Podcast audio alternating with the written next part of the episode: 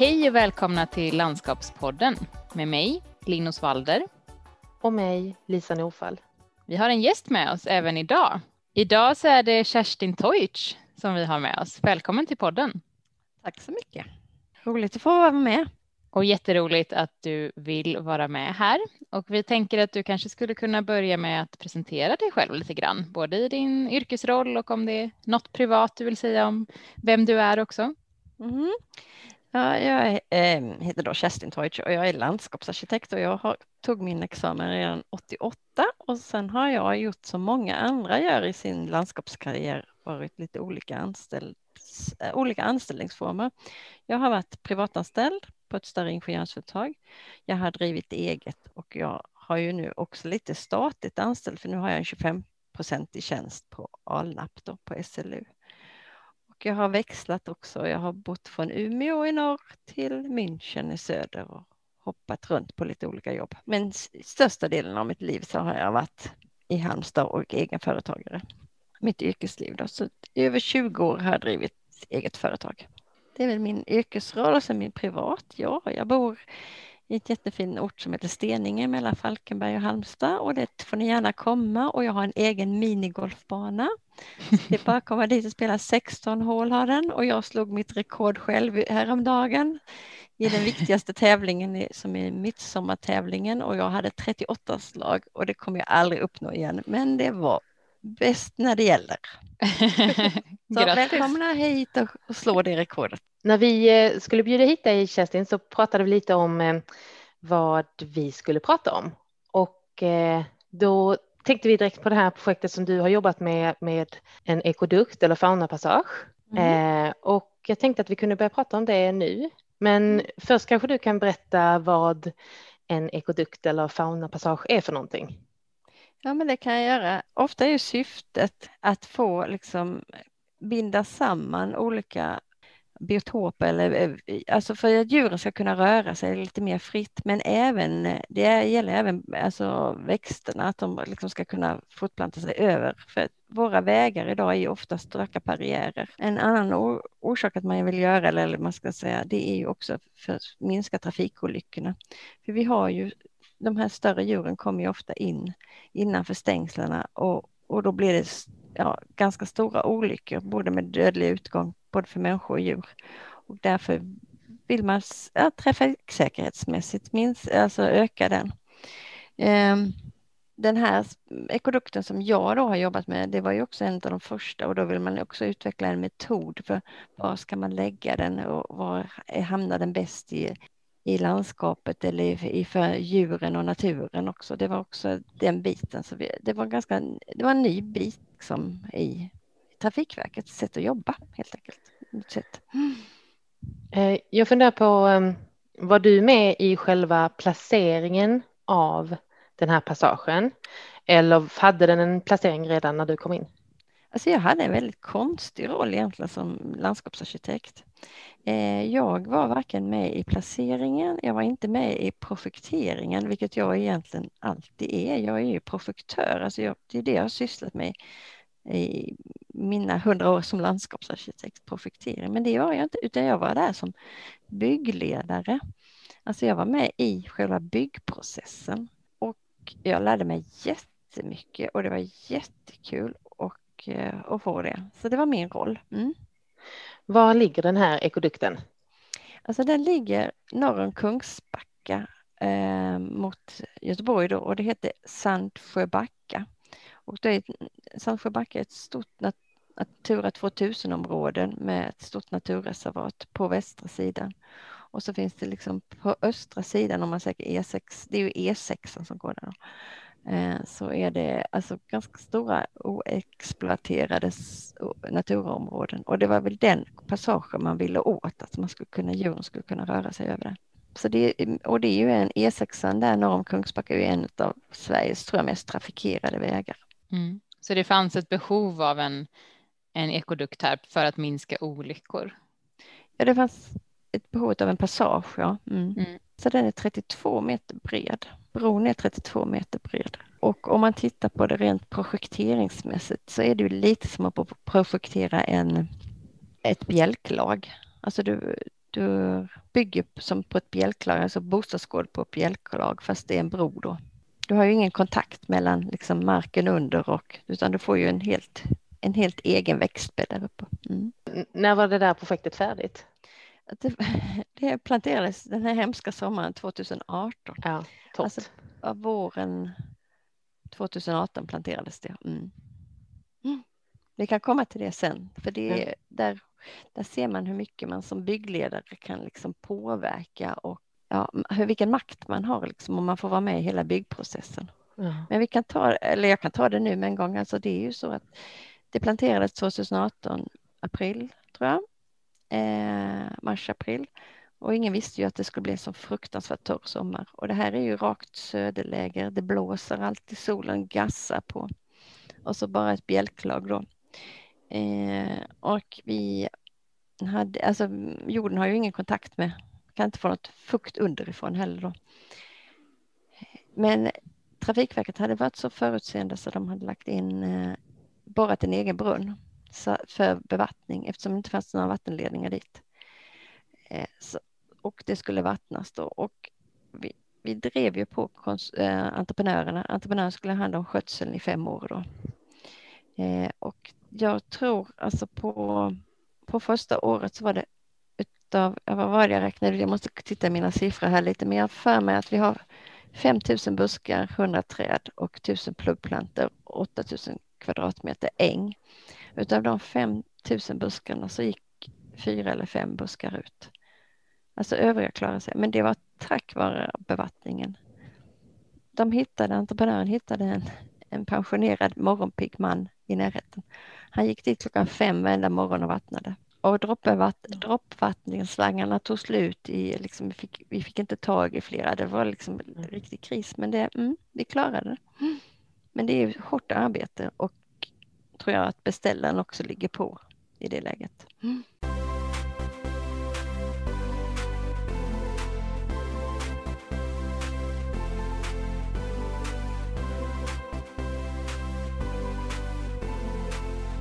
tänkte, eh, vi ska gå in lite på din roll som byggledare och så i det här mm. projektet. Mm. Men om vi bara liksom backar lite till det här med projekteringen och skapandet av det här mm. projektet mm. som jag antar att du är ganska insatt i ändå. Mm. Eh, hur tänker man när man ska skapa ett sånt här projekt? Alltså det, det intressanta är ju att det vi Alltså jag tror som landskapsarkitekt så är man ju väldigt estetiskt orienterad alltså, och visuellt estetiskt orienterad.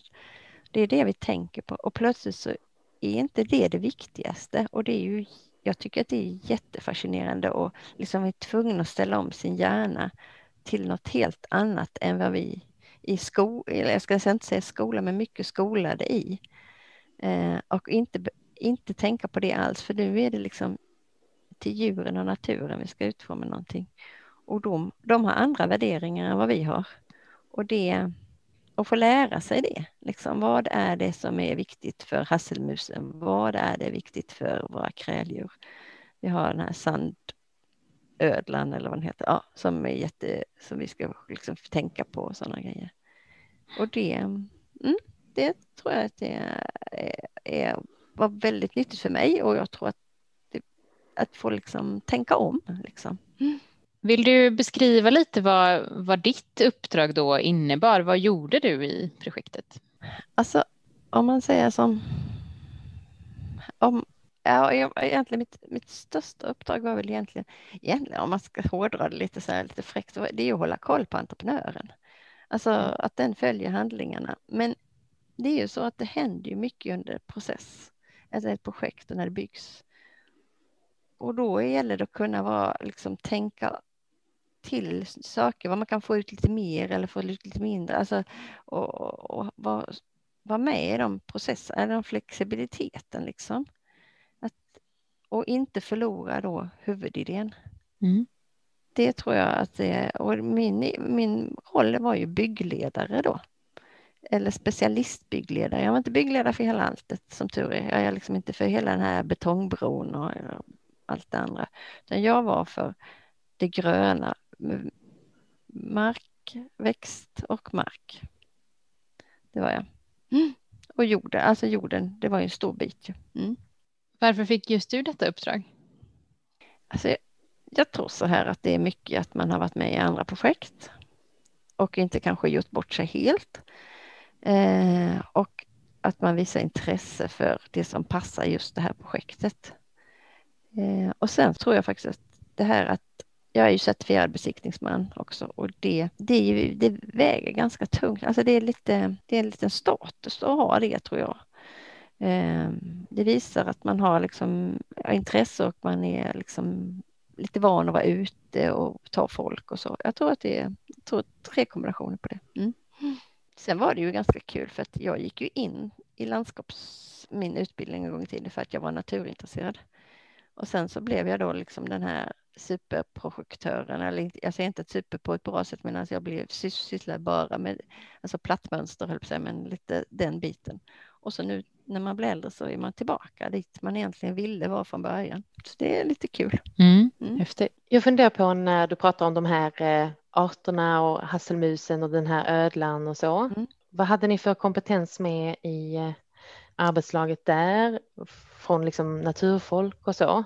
Bra, alltså bio, biologer med olika sorters kompetens och sen så miljöspecialister alltså, som håller på med det här för att när man bygger så sker ju utsläpp och sådana grejer, den biten med. Och så var det då en landskapsarkitekt som hade projekterat det hela också. Så det, där fanns, alltså sen har man ju, Trafikverket har ju ganska bra alltså miljökompetens själva. Så då fanns ju Mats Lindqvist som jag har jobbat med i många, många år. Han är ju alltså biolog i grund och botten, ekolog och biolog. Så han liksom, det är ju hans idéer som har pushat det här fram tror jag inom Trafikverket. För jag tänker att det är väldigt viktigt för om man inte har all den här kunskapen om hur djuren rör sig och hur det här funkar och sitter ihop, hur ska, alltså, då kommer ni ju inte ha någon funktion. Nej, och det kan man ju säga som det har ju inte jag. Va? Jag har ju inte, vet ju inte hur, liksom, hur en hasselmus rör sig eller älgen, hur den beter sig liksom, på kvällar eller nätter eller på dagar. Så, sådana grejer. Och då finns det är ju väldigt roligt att jobba med folk som, har, som är duktiga på sitt område. Ja. Men eh, det låter ju som att det var ett väldigt roligt projekt och att ni hade bra kompetens i eh, teamet och så där. Men eh, stötte ni på några utmaningar längs vägen? Ja, och vilka var de? Alltså den största utmaningen, men som tur var var ju inte jag inblandad det var ju när bron rasade. Mm. Den rasade inte, det ska man inte säga, den satte sig. De skulle gjuta den på natten och plötsligt hörde de den kraschar eller, eller knakar och folk bara flyttar sig. Som tur var var det ingen som skadades. Men E6 fick ju stängas av och det var ju liksom, ja, det var ju full brandkårsutryckning där. Eh, och det var, och jag hade ju inte varit uppe på två månader, var precis upp, på väg upp den dagen. Det blev ju liksom, för det första blev det världens kö på E6 och sen så fick jag eh, liksom snekla mig fram från, jag tror i vanliga fall tar resan en timme, det tog tre timmar upp den dagen. Eh, det var snekel och jag, jag vet inte om ni har varit inne i en sån här bodar med, det är ju ganska grabbig stämning så. Eh, i den här bygg, alltså vägbranschen. Och man kommer in i det är knäpptyst, inte ett ljud. Det var sån tryckt stämning. Mm. Det, var, det var en jobbig dag. Och, och, jag är glad att inte jag var inblandad i det.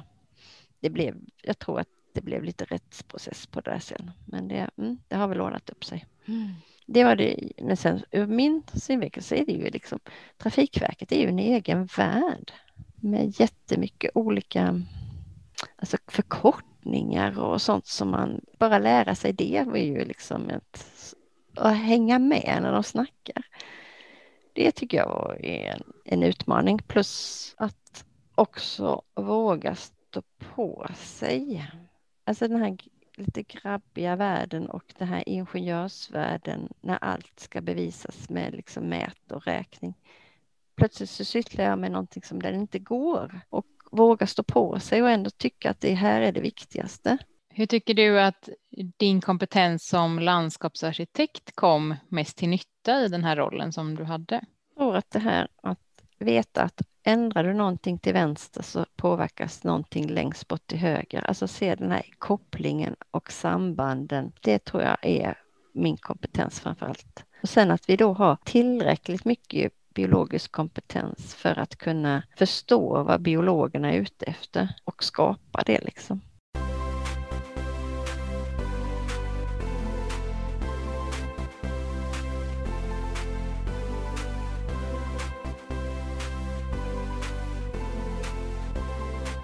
Det jag kanske skulle tillägga som jag inte tillagt, min, min stora insats tror jag var att få dem att förstå vilken jord man skulle använda. Eh, att, för det där kämpade jag hårt för att inte, för många vill ju, och i Göteborg och storstadstrakterna det är ont om naturligt bildad jord vill man ju använda färdigblandade eller sådana ja, blandade jordar då, tillverkade jordar. Och det vill jag ju inte ha, för här, det här ska vi bygga natur och bygga natur är, tror jag det är ett av de mest komplicerade sakerna vi kan göra. Alltså bygga en park med, med, med de här tillverkade jordarna, det får en bra effekt så. Men när vi ska liksom få in det naturliga i det, då är det svårt. Och det, jag, jag tror nästan det är omöjligt att använda de tillverkade jordarna. Jag, jag är nästan säker på det, utan då måste vi leta reda på naturliga bildade jordar och då måste vi titta på naturligt bildade jordar som har den biotop som vi är ute efter också.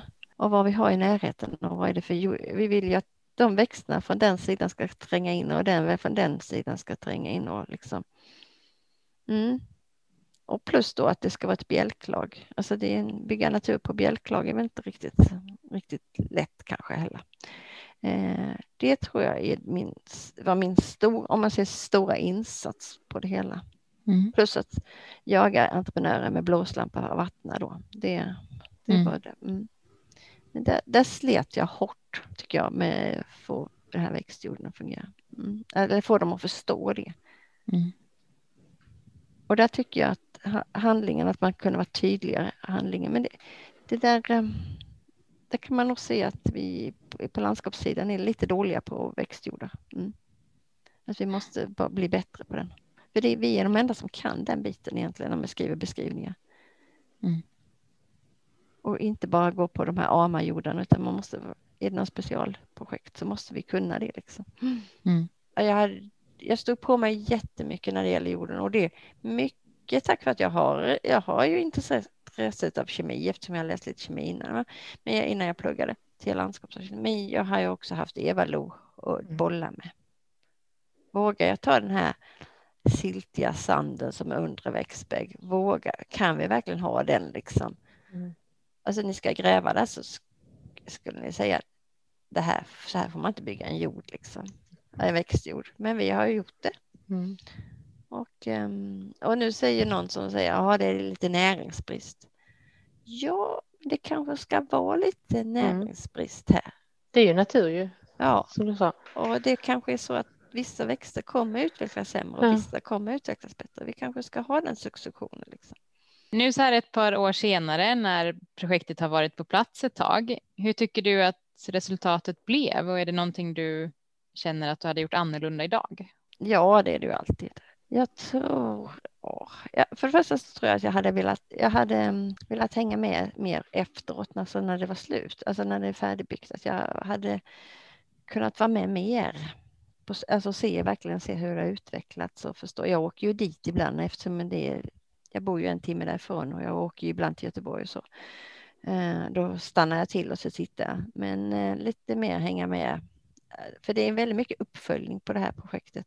Det sitter ju kameror och hur mycket djur som går över och sådana grejer. Det tycker jag, det skulle jag kunna gjort annorlunda. Sen tror jag att jag skulle, mm, skulle kanske varit mer ännu mer påläst än vad jag var liksom när jag bara startade och kanske liksom lärt mig Trafikverkets alla liksom kanaler in och så. Det, det tror jag. Och sen, sen att stå på sig ännu mer än vad jag gjort mot ingenjörerna. Mm.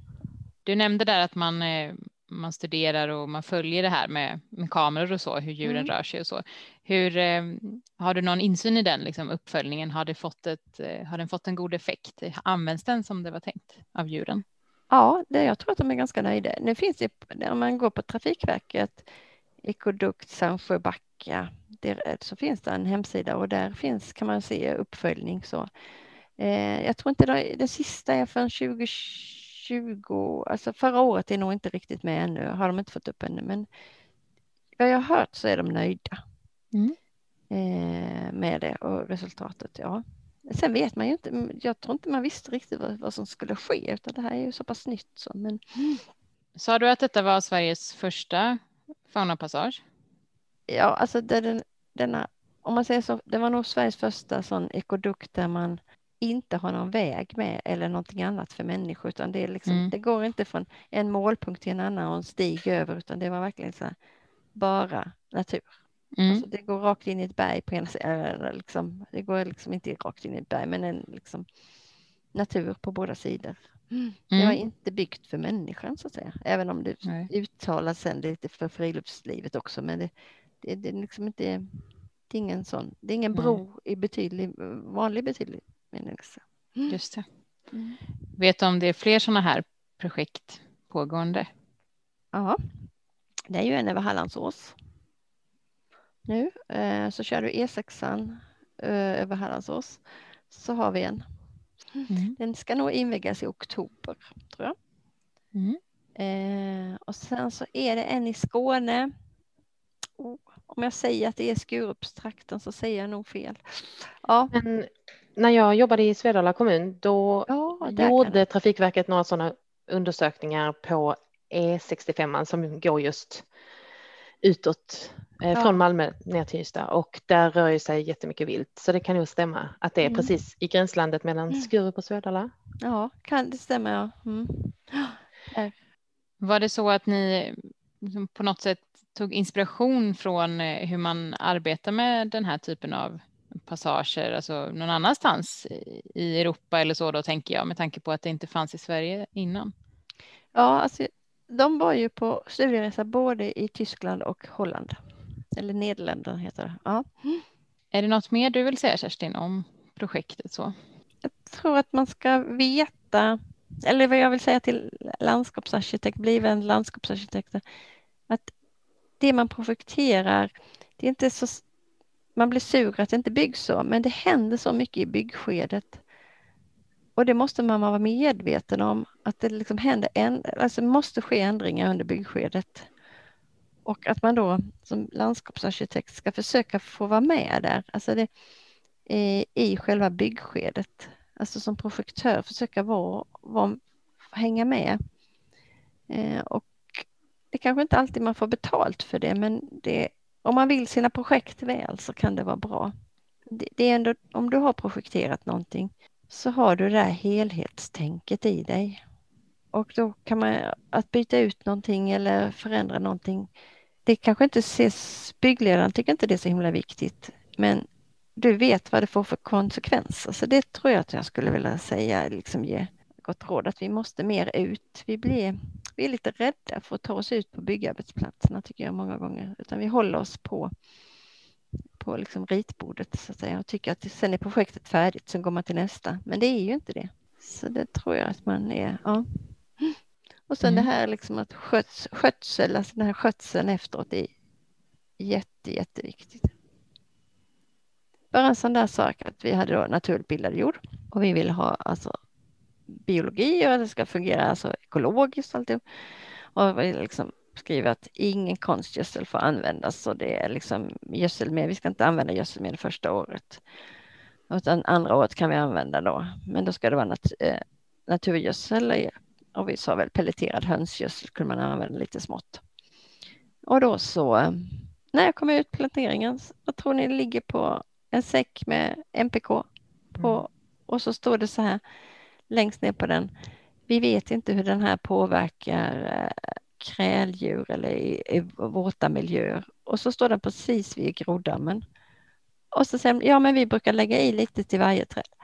Och jag liksom bara, ja men vi har ju sagt hundra gånger liksom, vi brukar liksom. Mm. Sådana grejer, då måste man vara med liksom. Mm.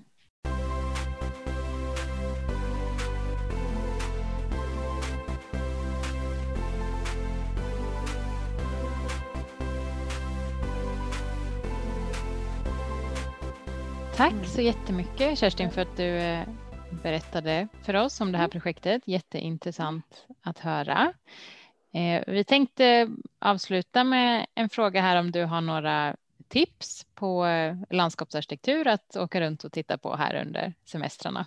Ja, alltså nu är man ju hemkär, det får man väl vara.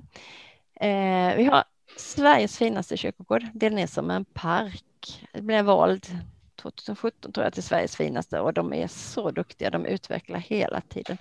Det är Harplinge kyrkogård. Eh, bland annat så har de, jag vet inte om det fortfarande står kvar, de har en hög stubbe utav en alm som de var tvungna att såga ner och där var en, hade de en praktikant som satte upp han, han gick på loppis och så hittade han fem pinnstolar och de sågade han av benen på och så målade han en röd, en gul, en röd och en grön. Alltså riktigt starka färger. Och så spikade han upp dem på, på den här högstubben. Högstubben har olika grova grenar så. Och så, så frågade prästen vad han hade tänkt. Jo, alltså det, och det är ju fyra, fem meter upp i luften. Eh, jo, sa han, om man dör så vill man kanske inte åka direkt upp utan då vill man liksom stanna på halva vägen för att kolla in lite vad som händer innan man tar sig hela vägen upp till himlen. Och sådana där grejer finns det liksom i den, på den kyrkogården. Mm. Jättefin tycker jag. Och de har liksom egen liten plantskola så där som håller på. Eh, och sen är det Vargaslätt som ligger i Simlångsdalen då. Eh, det är en trädgård som anlades på 20-talet och där finns en 1920-talet alltså. Och det finns liksom en japansk del och lite sånt där. Jag vet inte, jag tror inte den är öppen för alla dagar utan det är visningar på den så det får man kolla. Och sen är det klart Norvikens trädgård är också intressant. Men eh, Bergaslätt är ju liksom mer den ligger i liksom lite skogslandskap. Den ligger precis mellan eh, kustlandskapet, det platta och om man säger småländska inlandet, så liksom barrskogsbältet mer. Så det ligger precis på gränsen där. Så den är, tycker jag är intressant. Mm. Bra tips. Mm. Mm. Och sen då din golfbana också får man ja, ja, och min, spela på. De är, fyllde 60 år förra året så nu är den 61 år i år. Ja. Den är bara att komma hit och spela. Tusen tack Kerstin för din eh, medverkan. Jätteroligt att eh, ha dig här. Och med detta så avslutar vi veckans avsnitt. Eh, ni hittar oss som vanligt på Instagram där vi heter Landskapspodden och ni kan också mejla till vår mejladress som är landskapspodden slu.se. Mm. Och det här blir alltså vårt sista avsnitt eh, innan lite sommaruppehåll och eh, semestrar här. Men eh, vi kommer återigen under hösten, så då hoppas vi att ni kommer tillbaka och lyssnar igen. Så glad sommar till er allihopa. Ha det så bra. Hej då! Hej då!